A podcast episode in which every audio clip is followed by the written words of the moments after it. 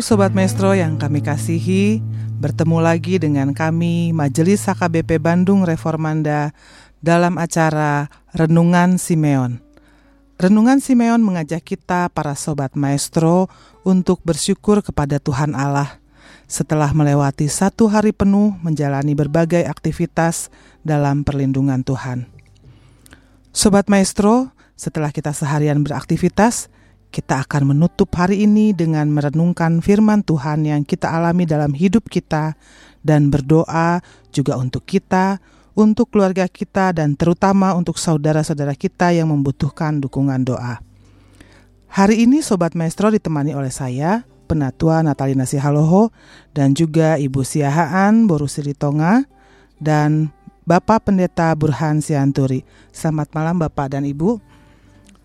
Dan apabila ada sobat maestro yang ingin menyampaikan pertanyaan berkenaan dengan topik kita hari ini, yaitu iman yang berbuah, ataupun apabila ada sobat maestro membutuhkan dukungan doa, dapat disampaikan melalui WA di nomor 0813 41658319. Sobat Maestro, sebelum kita mendengarkan firman Tuhan, mari kita mendengarkan dulu pujian yang akan dinyanyikan.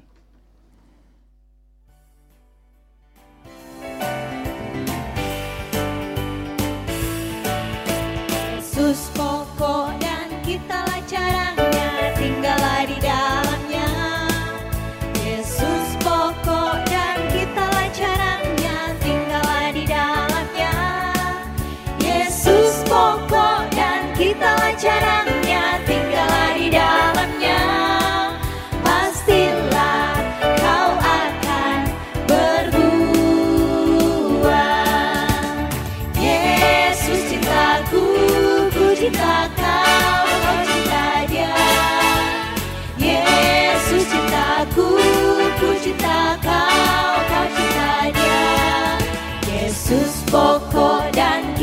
caranya, tinggallah di dalamnya. Yesus pokok dan kitalah caranya,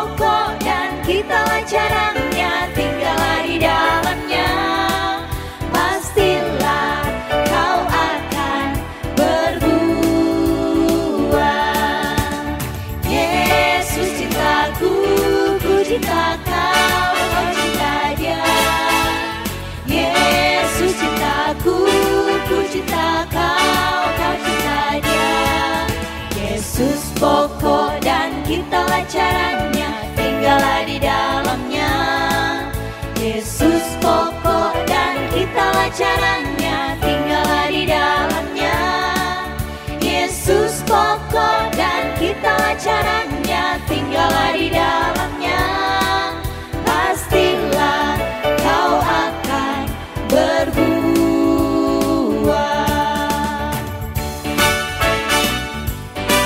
Sobat Maestro, tema kita hari ini di Renungan Simeon masih tentang bersyukur dan bersaksi dengan topik iman yang berbuah. Topik ini akan dibawakan oleh Bapak Pendeta Burhan Sianturi. Silahkan Bapak Pendeta. Namun sebelumnya Sobat Maestro, ayat yang akan disampaikan adalah dari Yohanes 15 ayat 8. Akan dibacakan oleh Ibu Tiur Si- Siahaan Boru Silitonga. Yohanes 15 ayat 8. Dalam hal inilah Bapakku dipermuliakan, yaitu jika kamu berbuah banyak dan dengan demikian kamu adalah murid-muridku. dengan topik iman yang berbuah Yohanes 15 ayat 8. Nats ini mengenai cerita pengajaran Yesus tentang pokok anggur yang benar. Bahwa Yesus beserta murid-muridnya melewati sebatang pokok anggur yang dipakainya sebagai ilustrasi rohani. Ini bukan perumpamaan, tetapi sebuah ilustrasi yang disampaikan Yesus kepada murid-muridnya tanpa Yudas Iskariot pada suatu malam sebelum Paskah sehabis mereka makan bersama. Yudas pada saat itu tidak ikut lagi karena ia meninggalkan mereka telah diperingatkan oleh Yesus Yohanes pasal 13 ayat 30. Lokasi peristiwa ini jika mengacu pada Yohanes 14 ayat 31 diperkirakan terjadi dalam perjalanan mereka dari ruang makan menuju Taman Getsemani tempat Yesus ditangkap. Sobat Maestro, Yesus adalah pokok anggur yang benar. Akulah pokok anggur yang benar. Ini adalah satu dari pernyataan dan penegasan agung dari Yesus dan pengertian dalam perjanjian lama tentang Israel sebagai pokok anggur dan kebun anggur. Dalam hal ini Yesus menyebut dirinya sebagai pokok anggur yang benar. Kata benar dalam bahasa Yunani aletinos yang berarti benar, sungguh-sungguh dan asli. Hal ini mau memberitahukan tentang adanya ketidakbenaran, ketidaksungguh-sungguhan, kebohongan, ketidakaslian atau palsu tentang pokok anggur. Bahwasanya Yesus adalah sejati dan Bapakulah pengusahanya. Kunjukan ini adalah kepada pemilik yang mengurus pokok pohon anggur. Sebenarnya ini Yesus menegaskan hubungannya yang intim dengan Bapa dan sekaligus ketaatannya kepada kehendak Bapa. Ranting yang tidak berbuah dipotongnya dan ranting yang berbuah dibersihkannya. Tujuan dari setiap pokok anggur untuk berbuah. Karena itu pokok anggur yang tidak dapat dipandang tidak dapat dipandang terpisah dari ranting-rantingnya yang berbuah itu. Ayat ini menunjukkan bahwa ada dua jenis ranting, yaitu ranting yang berbuah dan ranting yang tidak berbuah.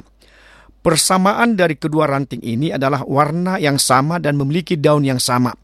Perbedaannya yaitu yang satu berbuah dan yang lain tidak berbuah. Pengusaha pokok anggur yang baik melihat kebergunaan setiap ranting. Satu ranting yang sama, sama sekali tidak berbuah tidak pantas mendapat tempat pada pokok anggur itu. Sedangkan dengan membersihkannya dapat memperbaiki ranting-ranting yang berbuah sedikit. Di antara para murid, Yudas terbukti bukan merupakan ranting yang benar dari pokok anggur itu. Sementara semua yang lain menjadi pengalaman-pengalaman pembersihan sebelum menghasilkan banyak buah pada hari Pentakosta. Hendaknya sebagai orang Kristen, kita menjadi ranting yang berbuah, yang hidup taat dan setia melakukan rancangan Allah sampai mati, sekalipun hidup di zaman sekarang yang penuh dengan godaan dan tantangan. Firman Tuhan sebagai alat pembersih. Yesus memandang pembersihan seolah-olah sudah komplit. Kamu memang sudah bersih. Tindakan pembersihan ini terjadi dengan perantaraan ajaran Yesus, yaitu firman Tuhan. Firman Tuhan membeda-bedakan orang yang berharga dari yang hina, dan firman itu juga yang ikut untuk menyucikan manusia. Yesus mengatakan bahwa para murid sudah bersih karena firman. Ini menunjukkan betapa pentingnya firman untuk menjadi pegangan dalam hidup kita. Karena itu, kita harus tekun mencari dan mempelajari firman Tuhan ada dikatakan tinggal di dalam Yesus. Tinggallah di dalam aku dan aku di dalam kamu. Ini merupakan perumpamaan prinsip rohani. Satu ranting tidak dapat memperoleh getah dari pokok anggur jika tidak ada hubungan yang terus-menerus dan tidak terganggu antara mereka. Ranting sepenuhnya bergantung kepada pokok. Ia harus menyatu dengan pokok anggur agar bertahan hidup dan menghasilkan buah.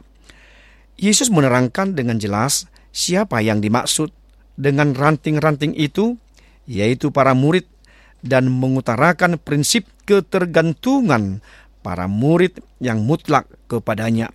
Barang siapa tinggal di dalam aku dan aku di dalam dia. Ia berbuah banyak, sebab di luar aku kamu tidak dapat berbuat apa-apa. Sikap ketergantungan kepada Allah adalah modal dasar untuk mendapat pertolongan dan keselamatan dari Tuhan. Tinggal di dalam Yesus dengan hidup mengasihi Dia, tekun beribadah dalam persekutuan, merenungkan firman Tuhan, berdoa, pengorbanan dan pelayanan, hidup berdasarkan janji-janjinya dan hidup dengan pimpinan Roh Kudus. Iman palsu tidak dapat berbuah ranting-ranting yang dipotong dan dibakar menggambarkan orang-orang yang tidak pernah mengeluarkan buah atau orang yang tidak percaya dengan sungguh-sungguh dan tidak hidup dalam firman Tuhan.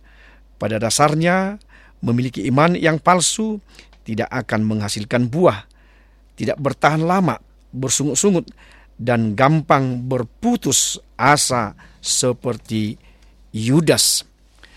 Dikatakan melakukan kehendak Tuhan, tetap tinggal di dalam Yesus, berarti kita harus setia. Tetap tinggal di dalam Dia, sekalipun sedang dalam keadaan sulit, menderita, banyak tantangan atau situasi apa pun. Kemudian tinggalnya seseorang pada Tuhan menjamin bahwa duanya akan dikabulkan karena mereka yang tinggal di dalam Dia akan berkeinginan melakukan kehendak Tuhan dan bukan mengabulkan doa yang mementingkan diri sendiri.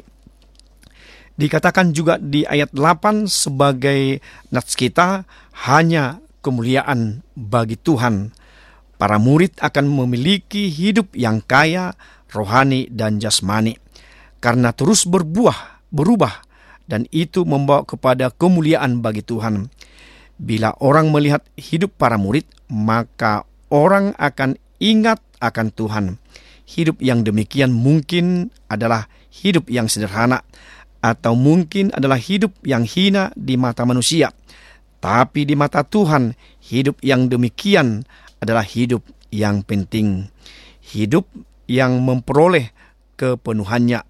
Pada umumnya, kemuliaan hidup orang Kristen adalah bahwa melalui kehidupan, tutur kata, sikap dan perilaku kita, kita bisa menyatakan kemuliaan Tuhan.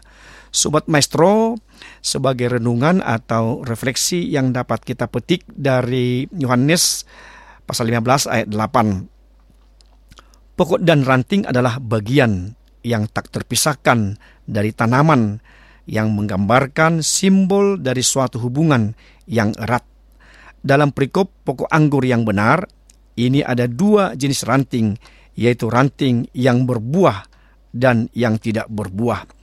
Ranting yang berbuah pasti tidak luput dari proses pembersihan atau pemangkasan, yaitu memangkas atau memotong bagian-bagian yang kering dan tidak berguna yang mungkin ada ulat atau penyakit di dalamnya supaya kesuburan pohon tersebut tidak terganggu.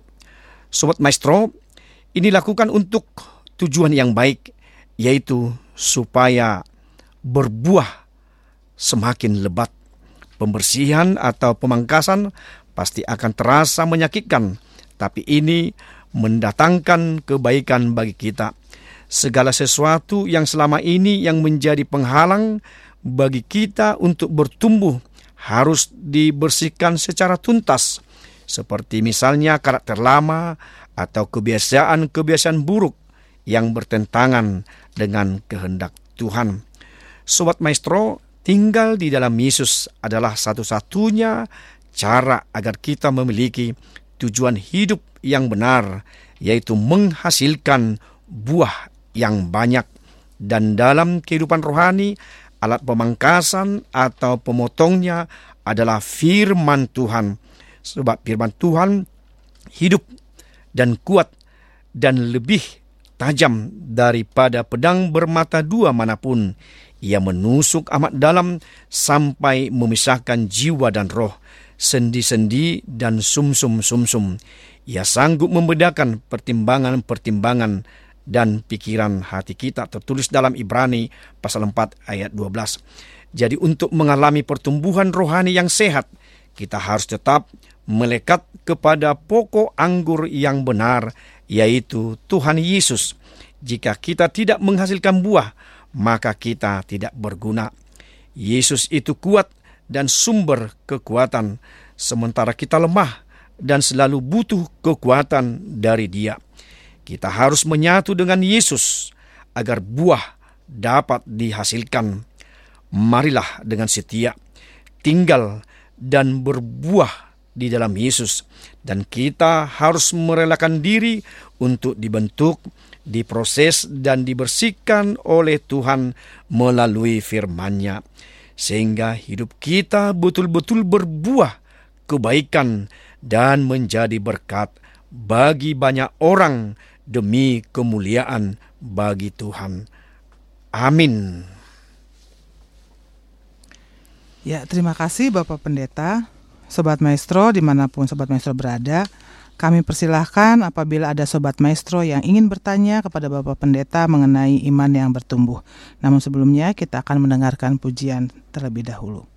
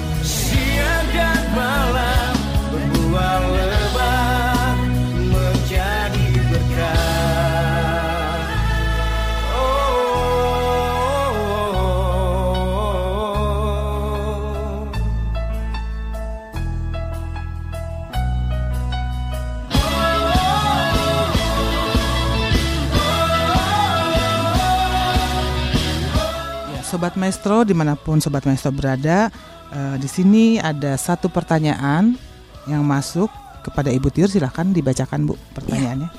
Pertanyaan dari nomor handphone 0813 2021 sekian sekian sekian. Pak Pendeta, mohon eh, penjelasannya tentang apakah artinya tinggal tetap di dalam Kristus pada perikop di hari ini pokok anggur yang benar. Jadi artinya tinggal tetap di dalam Kristus. Ya, terima kasih kepada eh, yang bertanya tentang tinggal di dalam Kristus.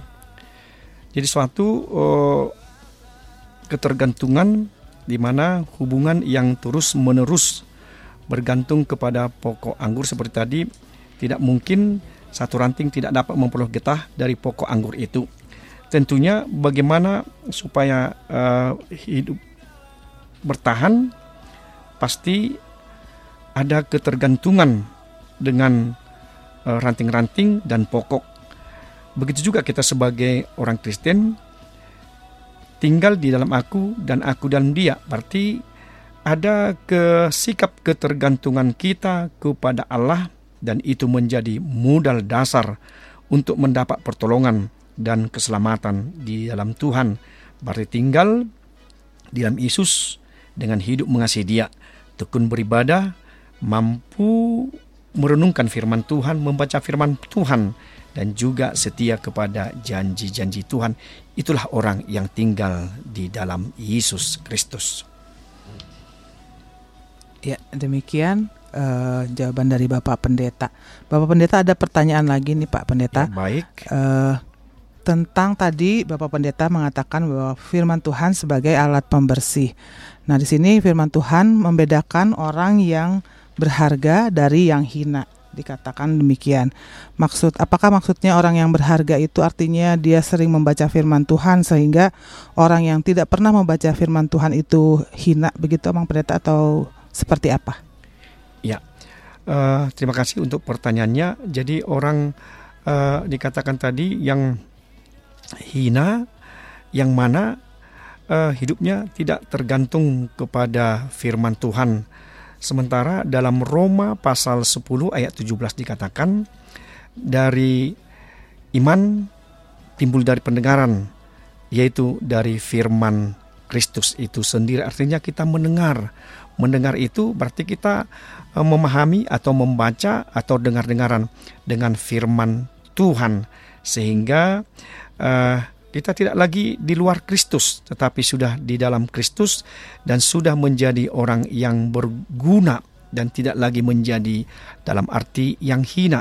Jadi kita yang sudah di dalam Kristus yang sudah dengar-dengaran akan firman Tuhan dapat menjadi sesuatu kehidupan bagi kita seperti tadi Ibrani pasal 4 ayat 12 pertumbuhan yang sehat harus melekat kepada pokok anggur yaitu Yesus Kristus yaitu di mana firman Tuhanlah yang kita diperdengarkan. Jadi eh, pemangkasan itu atau pemotongan itu adalah firman Tuhan supaya kita tetap berbuah atau menghasilkan buah yang banyak di dalam ketergantungan akan Yesus Kristus sebagai pokok anggur yang benar.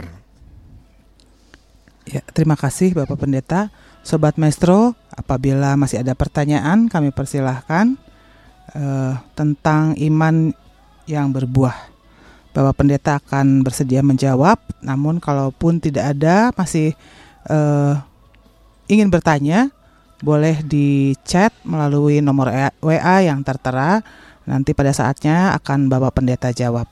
Sobat Maestro, waktunya kita akan menyapa eh, pendengar setia Maestro. Namun sebelumnya mungkin Bapak Pendeta boleh tutup dengan doa tentang bentuk firman ini.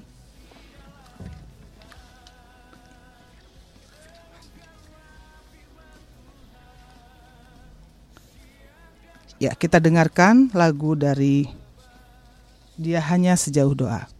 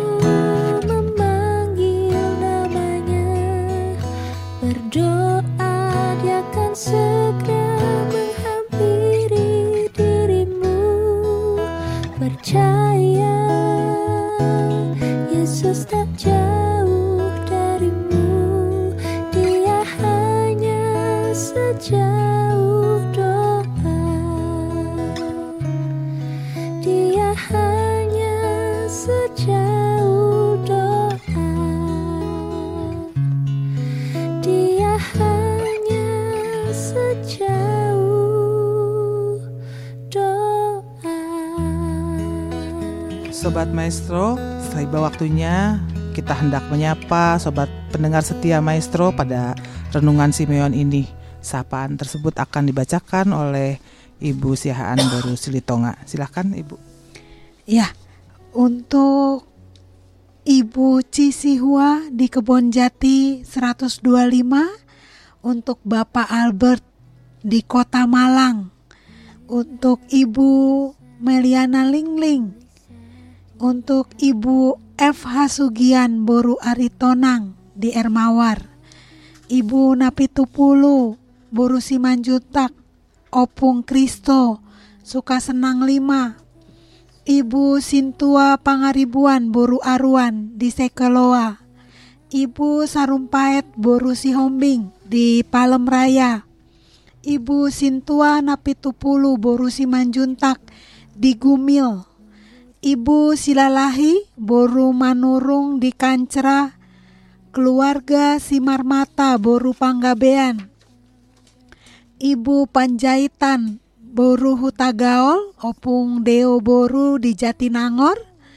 kakak kami kakak Riana Siagian Boru Pardede di Komplek Pratama Asri, Ibu Hotma Panjaitan di Kopo, keluarga M. Siahaan Boru Sirait di Margahayu Permai, Inang Sihombing Boru Pasaribu, Opung Yona, Kakak Lucy dan Kakak Nona di Arca Manik, keluarga besar Marpaung Boru Dolok Saribu di Mustang, keluarga Toga Torop Boru Sipahutar di Sawah Kurung, keluarga DJ Situmorang Boru Nababan Tanjung Laksana, keluarga Aritonang Boru Napitupulu di Cijagra, Ibu Nelly Panjaitan Boru Sihombing di Jakarta, Ibu Sintua Tampu Bolon Boru Pardede Margahayu Permai, Ibu Mariani Gultom Boru Sitompul di Cimindi, Ibu Rike Silaban Boru Sihombing, Opung Milka Boru di Subang, Ibu C Sitompul Boru Nainggolan di Cigadung, Ibu F Siagian Boru Sipahutar pada Suka, Ibu Sitorus Boru Manurung di Antapani, Ibu Risda Sirait berserta anak-anak Niken dan Dara di Palem Permai Buah Batu, keluarga M Nababan, Sintua Boru Sirait Opung Agata di Haji Yasin, Ibu S. Raja Guguk Boru Sitorus di Jalan Jurang, Ibu Opusunggu Boru Raja Guguk Kakak Dina di Haremis, Ibu Sinta Siburian Boru Nababan di Linggawastu, Ibu Kristianti Manurung Boru Manik di Kopo, keluarga C. Dolok Saribu Boru Silitonga di Antapani, Ibu Simatupang Boru Lubis Mama Aldi di Cimahi, Ibu Silitonga Boru Tampu Bolon di Citra Raya, Bapak Profesor Lambok Boru Jibu Tampu Bolon di Lamda, keluarga PL Tobing Boru Sitompul Cimindi, Parhalado HKBP Bandung Reformanda, semua kami ucapkan dari Renungan Simeon sehat selalu dan juga kami ingin mengucapkan selamat ulang tahun untuk Ibu Idaria Tobing Boru Simanung Kalit, Ibu Irianti Saragi Boru Naibaho, Bapak Letkol P Napitupulu dan Ibu Erni Napitupulu Boru Sirait. Sehat selalu, menikmati kasih Tuhan dengan usia yang Tuhan tambahkan untuk tahun ini. Ya, terima kasih Ibu Tiur. Sobat Maestro, waktunya kita akan menaikkan doa syafaat kita yang akan dibawakan oleh Bapak Pendeta yang akan memimpin doa doa. Namun sebelumnya ada satu buah lagu untuk kita semua.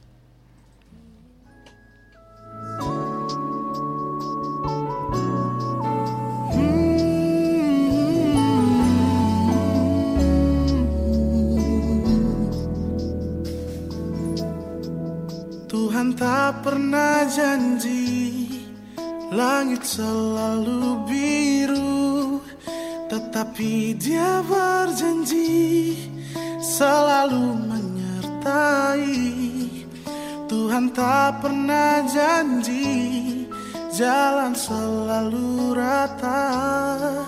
Tetapi dia berjanji Berikan kekuatan Jangan pernah menyerah. Jangan berputus asa. Mujizat Tuhan ada. Saat hati menyembah. Jangan pernah menyerah. Jangan berputus asa. Mujizat Tuhan ada. Bagi yang setia dan percaya. Hmm, Tuhan tak pernah janji Langit selalu biru Tetapi dia berjanji Selalu menyertai. Tuhan tak pernah janji Jalan selalu Tetapi dia berjanji Berikan kekuatan. Oh Jangan pernah menyerah. Jangan berputus asa. Mujizat Tuhan ada Saat hati menyembah Jangan pernah menyerah. Jangan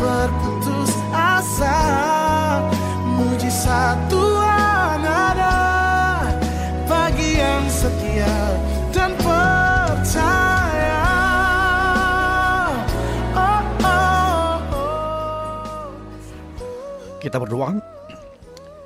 Terima kasih Tuhan atas safaan firman Tuhan dan kebenaran firman Tuhan pada malam hari ini. Tuhan mengajak kami supaya iman yang berbuah di mana kami harus tinggal di dalam Yesus dan kami dalam ketergantungan dengan Yesus sehingga kami dalam firman-Mu menelaah, menerima dan kami untuk berbuah yang banyak atau lebat itulah yang diharapkan oleh Tuhan kepada kami masing-masing. Kami mohon Tuhan atas safaan firman Tuhan tadi dan kami juga mohon Tuhan atas jamahan Tuhan pada saudara kami yang mengalami sakit penyakit. Yang pertama Opu Partugi Sidabutar Boru Sinaga di Rumah Sakit Bromeus. Nyonya Sicilia Sihombing Boru Silalahi di Jakarta. Rimosa Doluk Saribu di mana mengalami saraf kejepit dan sedang pemulihan. Ibu Ersilaban Boru Sihombing Opumika Boru di Subang, Bapak Esersi Barani di Ibu Simbolon Boru Pasaribu, Ibu Redi Sipahutar Boru Stompul, Bapak J. Sinaga di Rumah Sakit Bromeus. Kami mohon Tuhan, kami tahu Yesus adalah tabib yang agung untuk memberikan kesembuhan kepada saudara-saudara kami. Begitu juga Tuhan kami mohonkan kepada saudara kami Lukas Sihombing yang mana dia telah lulus sidang dalam masa kuliahnya. Kami mohon Tuhan sesuai dengan disiplin ilmu yang sudah digelutinya, Tuhan memberikan karunia anugerah supaya lewat gelusannya Tuhan dia dapat bekerja kami tahu Tuhan indah pada waktunya untuk anak kami Lukas Sihombing. Demikian juga Tuhan untuk uh, Marta Metrika Hutagalung di mana dia sedang dalam ujian proses untuk calon BPSK HKBP di kantor pusat. Kiranya dengan ujian dengan interview dari para pimpinan, kiranya Tuhan menganugerahkan yang terbaik buat Marta, Trisa, Hutagalung. Demikian juga Tuhan untuk keluarga DJ Sirait Boru Gurning di Cibiuk dalam masa-masa tua Bapak DJ Sirait dan Ibu juga Boru Gurning kiranya Engkau Tuhan memberikan yang terbaik dan uh, sukacita walaupun mengalami suatu perenungan bagi keluarga tetapi kami yakin Tuhan tetap menjaga melawat dan berikan umur yang panjang dan kesehatan. Kami mohon Tuhan juga buat Kota Bandung, Jawa Barat untuk kerukunan silaturahmi kami umat beragama dan juga kami dalam hal toleransi Tuhan biarlah persaudaraan kami engkau lawat Tuhan terlebih untuk pendirian rumah ibadah itu adalah untuk menunjukkan bahwa kami sama di dalam Tuhan, kami sama di dalam masyarakat bangsa dan negara kami. Kiranya kerukunan persaudaraan kami tetap Tuhan berkati dan terjaga untuk ke depannya.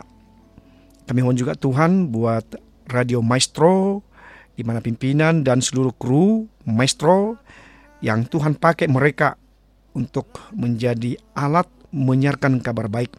Biarlah tetap engkau berikan berkat dan juga kesehatan bagi mereka supaya lewat penyiaran dari Radio Maestro banyak jiwa-jiwa yang akan dipenuhi Tuhan, banyak jiwa-jiwa yang rindu akan firman Tuhan dan juga mereka engkau pakai Tuhan. Terima kasih Tuhan untuk malam ini kami serahkan tubuh dan jiwa kami ke dalam tangan pengasihan Tuhan.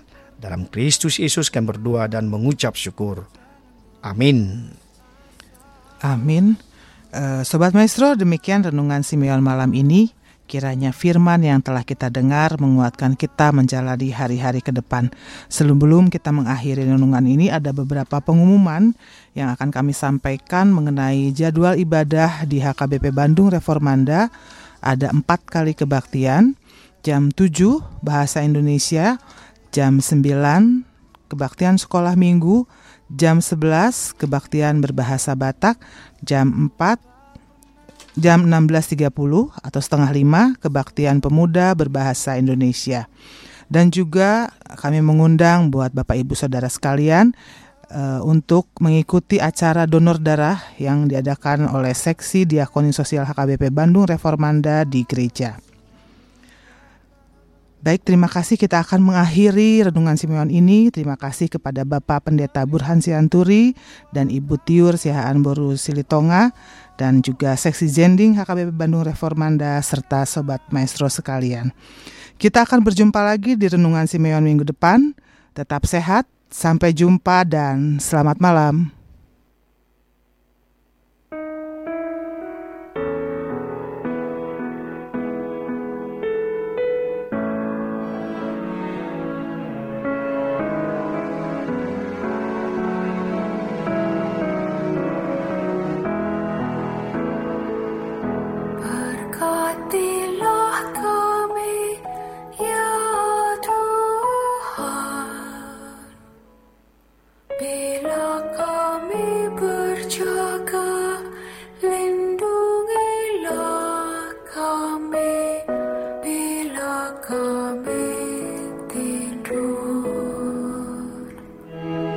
Sekarang Tuhan, biarkanlah hambamu ini pergi dalam damai sejahtera sesuai dengan firman-Mu. Sebab mataku telah melihat keselamatan yang daripadamu, yang telah engkau sediakan di hadapan segala bangsa, yaitu terang yang menjadi pernyataan bagi segala bangsa-bangsa lain dan menjadi kemuliaan bagi umatmu Israel.